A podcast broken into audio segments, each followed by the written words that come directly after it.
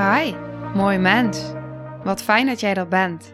Mijn naam is Sandy en ik geloof in een wereld waarin iedereen zijn liefdevolle zelf mag zijn. In deze podcast praten we openlijk over alle struggles die je tegenkomt op het moment dat je tegen jezelf aanloopt. Vanuit mijn kennis en ervaring deel ik levenslessen en geef ik je inspiratie hoe jij vanuit pijn en angst weer voor liefde en vertrouwen kunt kiezen, zodat jij, dwars door het donker, de weg terug kunt vinden naar het licht in jezelf. Welkom bij de Liefdevolle Strijder Podcast.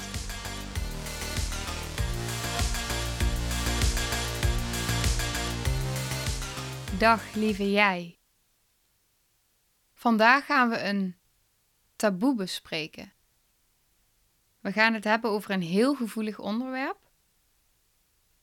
En dat is ook precies de reden dat ik het bespreekbaar maak. Het voelt voor mij ook heel kwetsbaar, heel gevoelig. En ik kan me voorstellen dat als je dit hebt meegemaakt of iemand kent die dit heeft meegemaakt, dat het voor jou ook zo kan voelen. Dat het iets kan triggeren. En ik wil je heel graag mijn verhaal delen. En dat doe ik dan dus ook op mijn manier.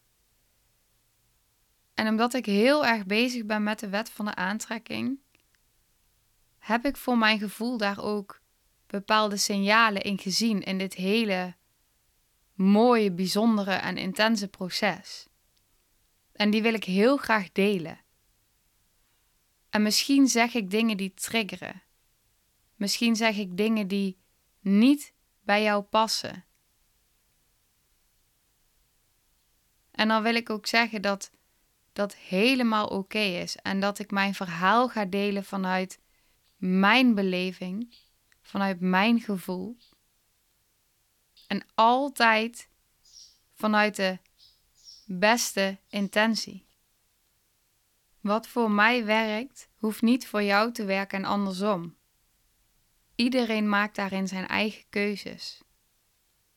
Luister vooral naar wat voor jou goed voelt, wat bij jou past, en daar kom ik straks nog op terug.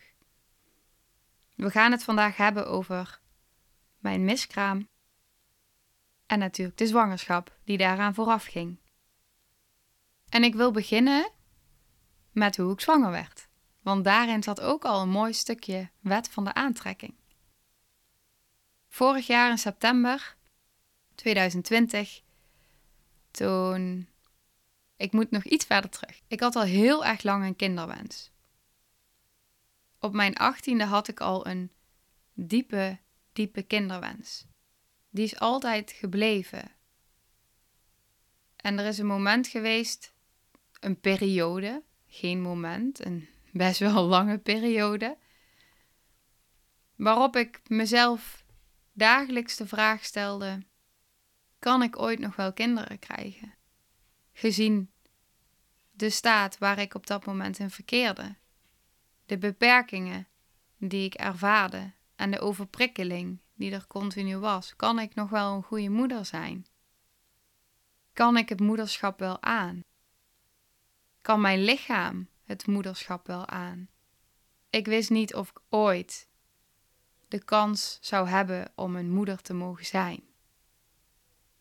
En die weet je natuurlijk nooit. Ik heb er zoveel over nagedacht. Ook dat ik dacht van, je kan hartstikke gezond zijn en aan een kindje beginnen. En terwijl je een kind hebt, kun je ook ziek worden. Het leven biedt geen garanties. En op een gegeven moment was ik op een punt dat ik dacht dat ik er alleen maar mee bezig was. En toen heb ik mezelf de vraag gesteld: wil ik deze keuze maken uit angst of uit liefde? En toen besefte ik me dat ik de keuze op dat moment wilde maken vanuit angst. De angst dat ik te oud zou worden. De angst dat het misschien op een gegeven moment niet meer kon. Maar ik zat nog zo in mijn herstelproces. Ik was er nog niet klaar voor. Ik weet niet of je er ooit klaar voor bent, maar op dat moment voelde ik me er niet klaar voor. Ik was nog te veel met mezelf bezig, met mijn heling. Dus toen ik erachter kwam dat ik die keuze maakte uit de angst dat het dan misschien niet meer zou lukken, besloot ik in het vertrouwen te stappen en toen kon ik het loslaten. En dus in september 2020, toen voelde eigenlijk al een tijdje alles in mij dat ik dacht, ja, ik, ik, ik wil. Ik wil nu vanuit liefde die keuze maken. Ben ik er helemaal klaar voor? Nee. weet ik of het goed gaat? Nee. Maar goed, daarin voelde ik ook, dat weet je nooit. Ik heb er ook een gesprek over gehad met mijn psycholoog. Die ook tegen me zei van je weet het nooit. Er zijn wel meer moeders die geen auto rijden. Er zijn wel meer moeders die niet werken. Op dat moment was dat zo. En dat gaf mij wel een zekere rust. Dat ik dacht van ja, wil ik dan die grote wens opgeven? Omdat ik al die belemmerende overtuigingen heb in mijn gedachtenwereld. En dus besloot ik om voor liefde te kiezen. Ik voelde dat ik vanuit liefde die keuze kon maken.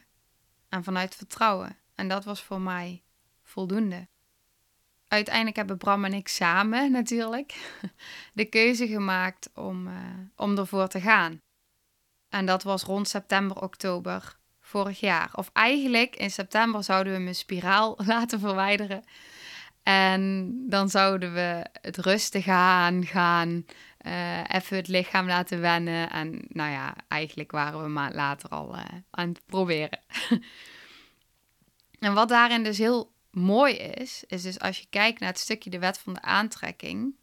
Stap 1 is je uit een verlangen. Stap 2 is het is gegeven. En stap 3 is laat alle weerstand los. Probeer niet de hoe.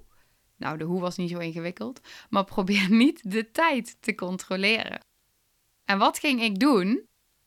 Controleren. kan ik wel zwanger worden? En ik moet testen gaan kopen die me even ovulatie gaan meten. En dan moeten we dit uitrekenen en dat tellen en dan. En Zo ging het in mijn hoofd. En dat was in oktober ongeveer, oktober, november.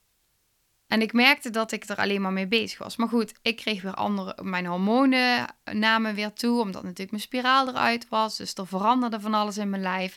Dus ik merkte verandering in mijn lichaam. Nou, hoppakee, ik dacht meteen dat ik zwanger was. Dat was niet zo, waren gewoon hormoonschommelingen. En het was gewoon heel erg grappig eigenlijk hoe ik daarmee bezig was. En hoe ik het allemaal aan aan het controleren was in mijn gedachten. En toen was het december oudjaarsavond. Ik wilde geen alcohol drinken, want ik was misschien zwanger. En ik merkte dat ik de hele dag alleen maar daarmee bezig was. Word ik ongesteld? Word ik niet ongesteld? Aan één stuk door.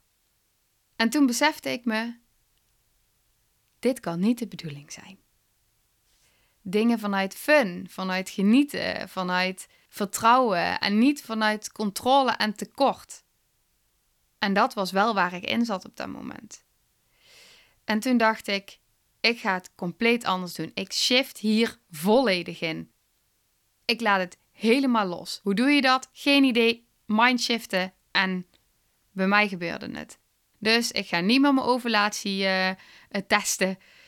Je moet het natuurlijk wel enigszins een beetje bijhouden, want ja, zonder actie geen resultaat. Zo simpel is het nou eenmaal. Maar echt vanuit vertrouwen en ook echt voelen van oké, ik weet wel ongeveer wanneer dat er een evaluatie zal plaatsvinden in die week ergens. En ik had dus gelezen dat op het moment dat jij meer vruchtbaar wordt, dat jij dus ook meer de behoefte daarnaar krijgt, zeg maar. Dus toen dacht ik, nou, mijn lichaam geeft het dus gewoon zelf aan. Dus ik kan gewoon helemaal in het vertrouwen stappen en me er gewoon aan overgeven. En dat was wat ik deed.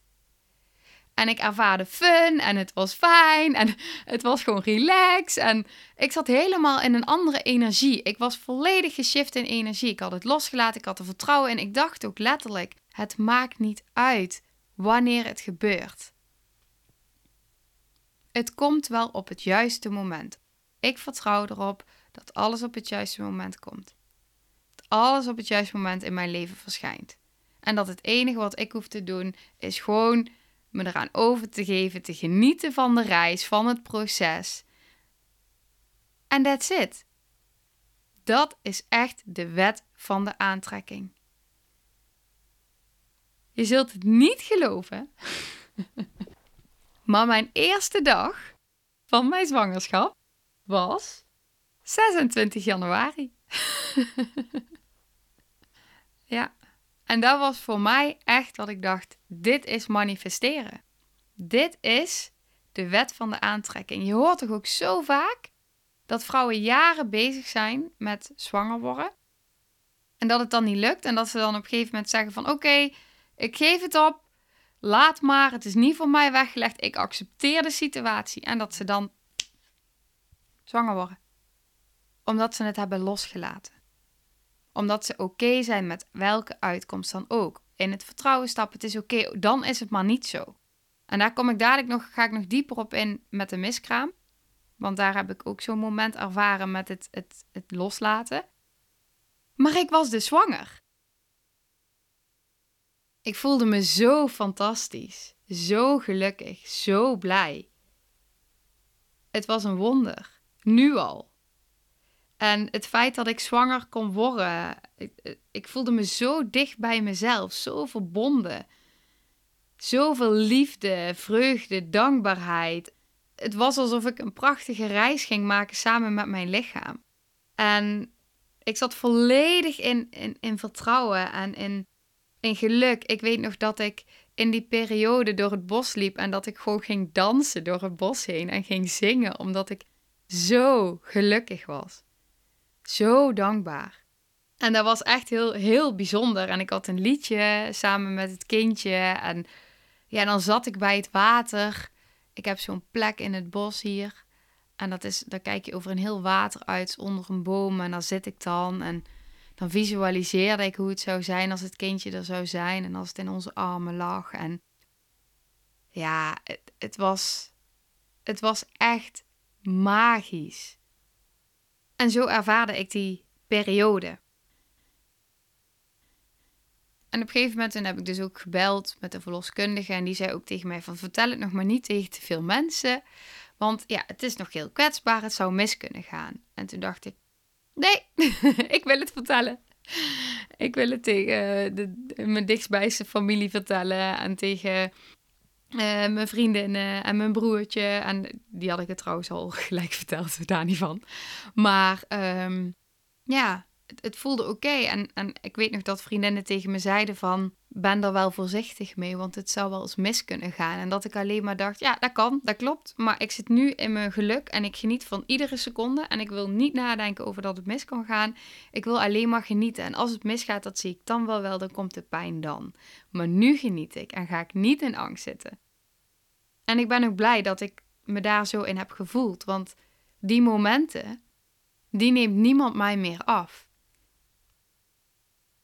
En het raakt me ook nu ik het weer zo zeg, omdat het voelde als, alsof ik echt al op een roze wolk zat. Het is niet vanzelfsprekend. Het is niet vanzelfsprekend. En dat heb ik zo gevoeld. En daarom is het zo belangrijk dat je doet wat goed voelt voor jou ten alle tijden in het hele proces. Doe wat goed voelt voor jou. Dat is echt mijn boodschap.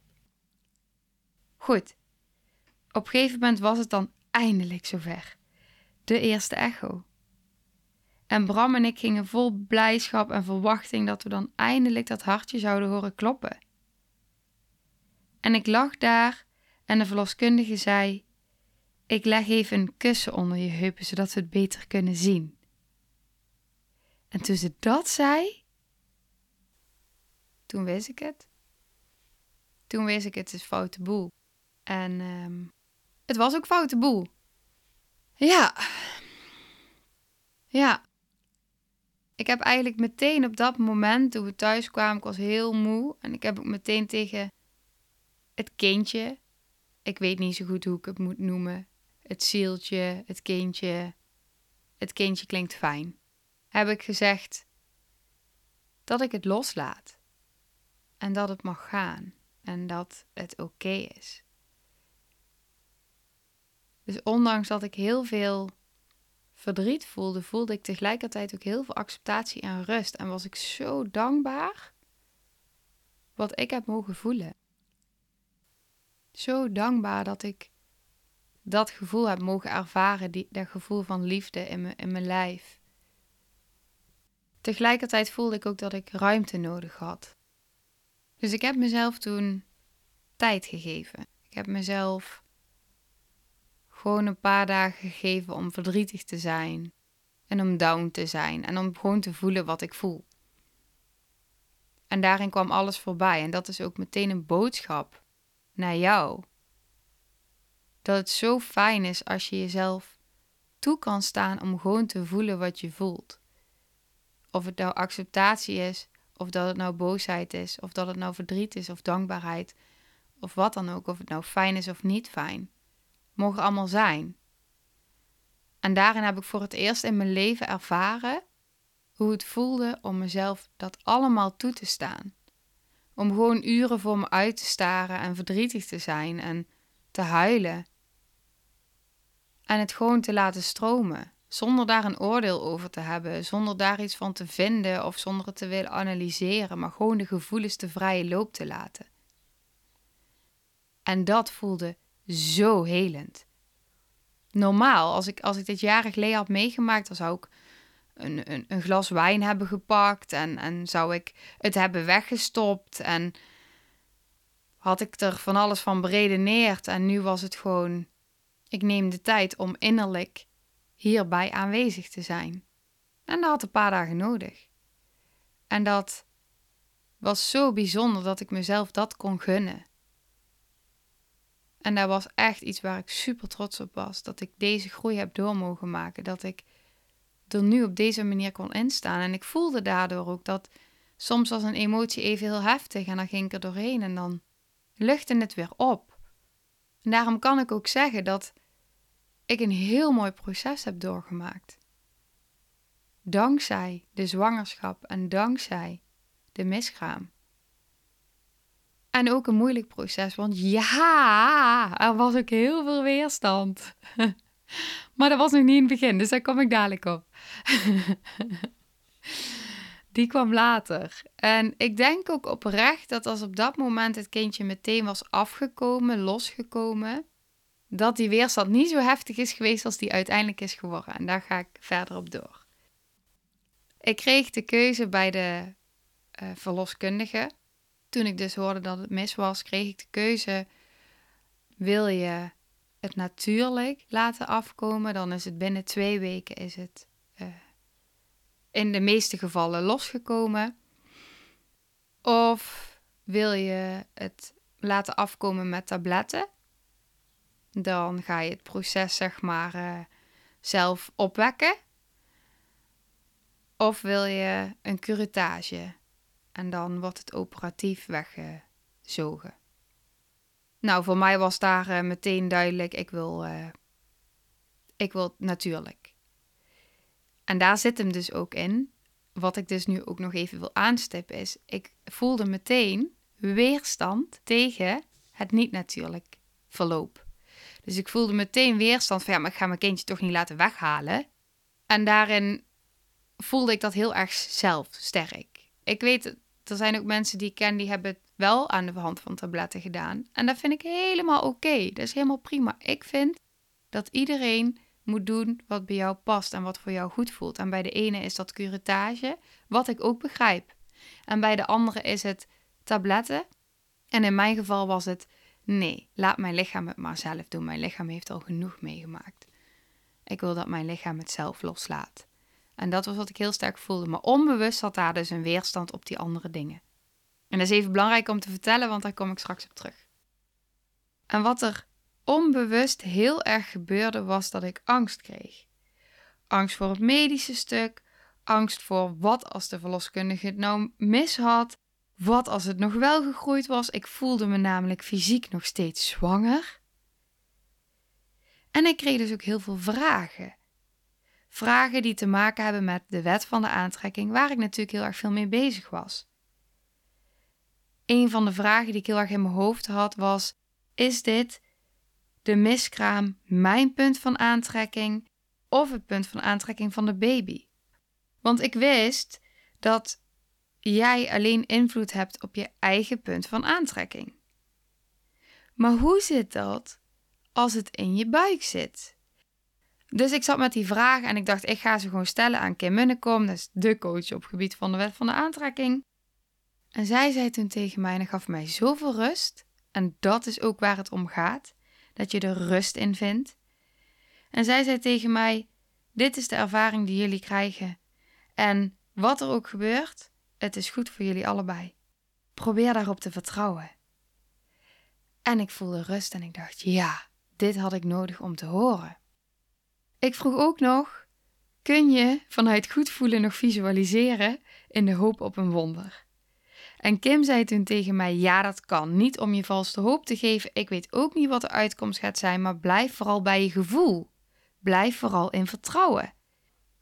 Zoals je al hoort, eerst liet ik los, voelde ik acceptatie en vervolgens, mede ook door het feit dat ik me nog zo zwanger voelde, kreeg ik die twijfels bij hetgeen wat mij was verteld. En dus kwam er weer hoop. Het was ook niet de eerste keer dat mij medisch dingen werden gezegd die vervolgens niet zo bleken te zijn. Verre weg van zelfs. Dus ik kreeg gedachtes. Wat als? Wat als de echo te vroeg was? Wat als het toch groeit? Ga maar door met al je gedachten die helemaal aan de haal gaan met je.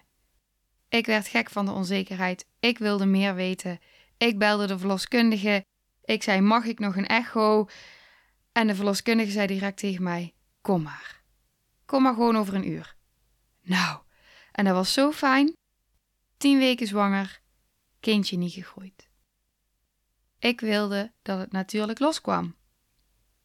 Geen andere manier. Weerstand.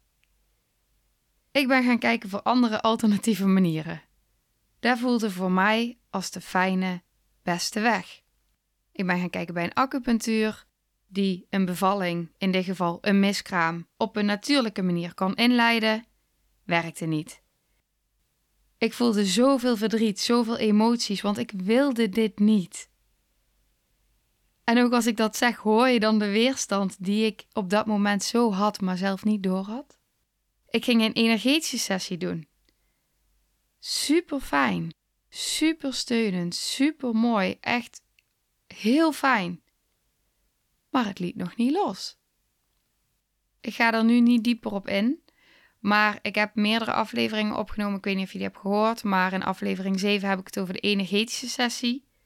Heb ik wel bewust niet dit stukje daarbij verteld. Omdat ik er nog middenin zat en dus het heel kwetsbaar voelde. Maar ook in aflevering 14 over de ayahuasca vertel ik hier iets meer over. Vervolgens een tweede acupunctuurbehandeling werkte niet en ik ging mezelf echt afvragen: wat is hier aan de hand? Waarom komt het niet los? Waarom lukt het niet? Ik raakte in angst, ik raakte in twijfel, ik raakte in onzekerheid en daarnaast had ik ook nog in mijn achterhoofd de opmerking van de verloskundige die had gezegd: hoe langer het duurt, hoe groter de kans op curettage.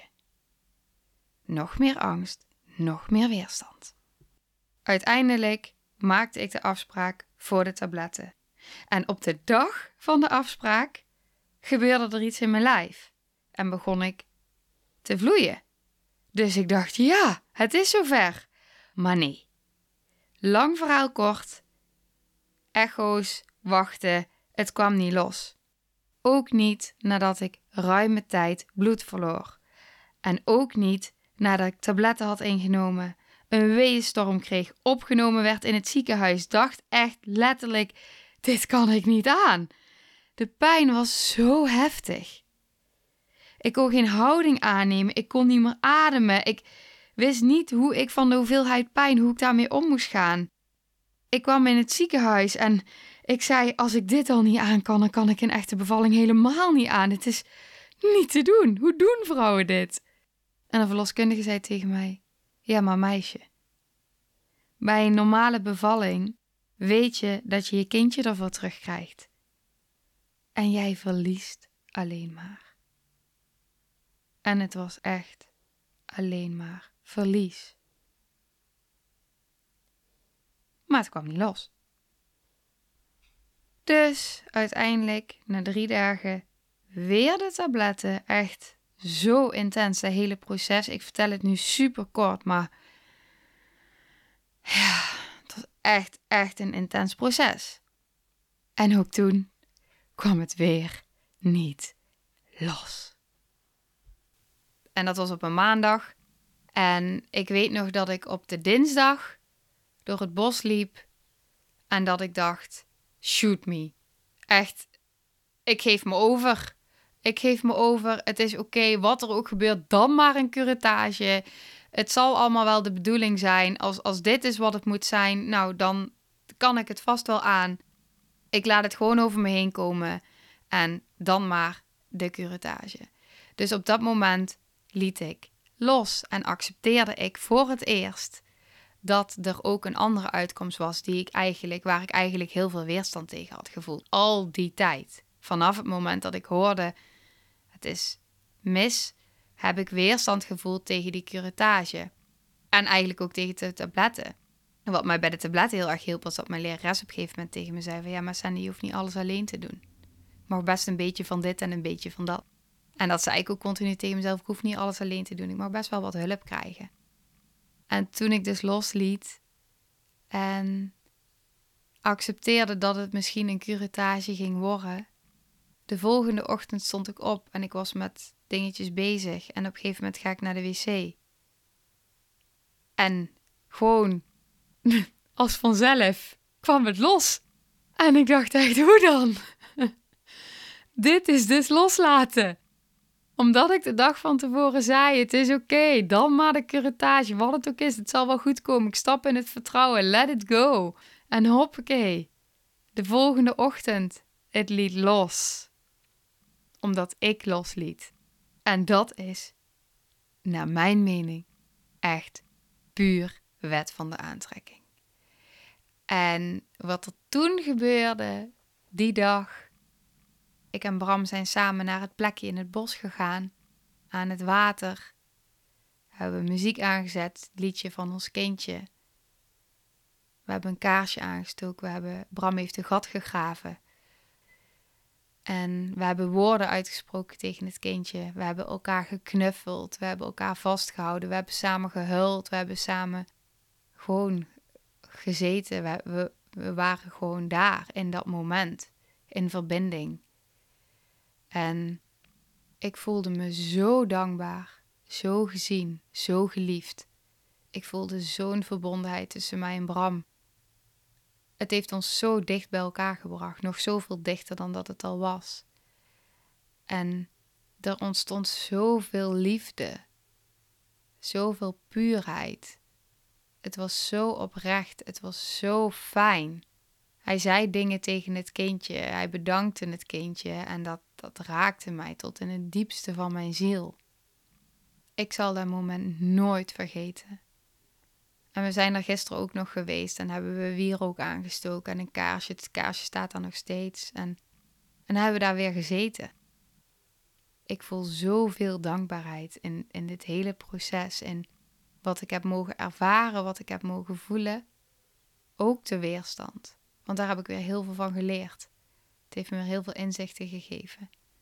Everything is always working out for you.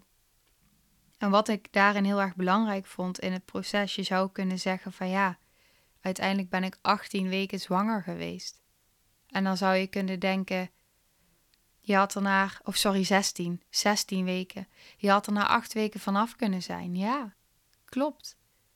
Maar ik heb ten alle tijden in het hele proces geluisterd naar mijn gevoel. En ondanks dat mijn gevoel weerstand was en dat ik het dus voor mezelf misschien wat lastiger heb gemaakt dan nodig, was dit blijkbaar wat ik wel nodig had om van te leren en om van te groeien. In het, in het ziekenhuis zei de verloskundige ook tegen mij: Ik heb volgens mij nog niet eerder iemand meegemaakt die zoveel geduld heeft als jij. Maar dat komt omdat ik die keuze zo bewust had gemaakt vanuit mijn gevoel. En dan kan iedereen om jou heen zeggen: Ja, maar zou je, maak je het jezelf nou niet moeilijk en ben je niet onnodig aan het lijden? Maar ik heb het niet ervaren als een leidersweg. Want dan had ik het wel eerder gestopt. Maar zo heb ik het niet ervaren. Ik heb het ervaren als een proces, als een heel diepgaand innerlijk proces. Waarin ik continu mezelf de vraag heb gesteld: wat heb ik nodig? Wat vind ik fijn? Wat vind ik niet fijn? Wat is de beste optie voor mij nu? En voor het kindje. En doordat ik me zo dicht bij mezelf ben gebleven, voelde uiteindelijk die keuze voor die medicijnen ook enigszins goed, omdat het het proces heeft mogen zijn. En dat is ook zo sterk mijn boodschap. Doe wat goed voelt voor jou. Deel het met mensen als het goed voelt om te delen. Doe het voor jezelf. Artsen kunnen dingen zeggen, verloskundigen kunnen dingen zeggen, mensen om je heen kunnen dingen zeggen. Altijd met de beste bedoelingen voor jou, maar jij weet wat goed is voor jou. En soms heb je lessen nodig. Voor mij was dit een les in loslaten van weerstand. In accepteren dat ook het medische stuk er mag zijn. Maar daar had ik zoveel weerstand tegen door waar, waar ik doorheen ben gegaan met mijn, met mijn ziek zijn. Doordat ik zo niet gezien en gehoord werd. Niet geholpen kon worden. En daar, is een stukje in geheeld. Want toen ik in het ziekenhuis werd opgenomen met die miskraam, voelde ik me heel anders. Voelde ik me heel erg gesteund. En dat was heel fijn. Ik heb misschien niet de makkelijkste weg bewandeld. maar ja, hé. Hey. Het was goed. Ik heb mezelf geen één keer verloren. Ik weet ook dat iemand uit mijn klas tegen me zei van... wat vind ik het mooi om van jou te horen... dat je dankbaarheid en een miskraam in één zin kan zeggen. Ja. Ja. Zoveel dankbaarheid. Heb ik ervaren. Ondanks het verdriet. Ondanks de rouw. Was het ook zo'n mooie reis. En ik hoop echt dat je hier iets voor jezelf uit kan halen. Misschien struggle jij ook wel op gebied van zwanger worden of een miskraam of rouw. En dan wil ik alleen maar tegen je zeggen: sta jezelf toe om te voelen wat jij nodig hebt. Om te vertrouwen, om in het vertrouwen te stappen. Wat heb jij nodig? Stel jezelf die vraag: wat heb ik nodig om in het vertrouwen te stappen? Wat heb ik nodig om vanuit liefde te kunnen kijken? Vanuit dankbaarheid, want dan shift je zo je energie. Dus ik hoop echt dat het delen van mijn proces iets in jou teweeg mag brengen. En ik wil je ontzettend danken voor het luisteren naar mijn verhaal.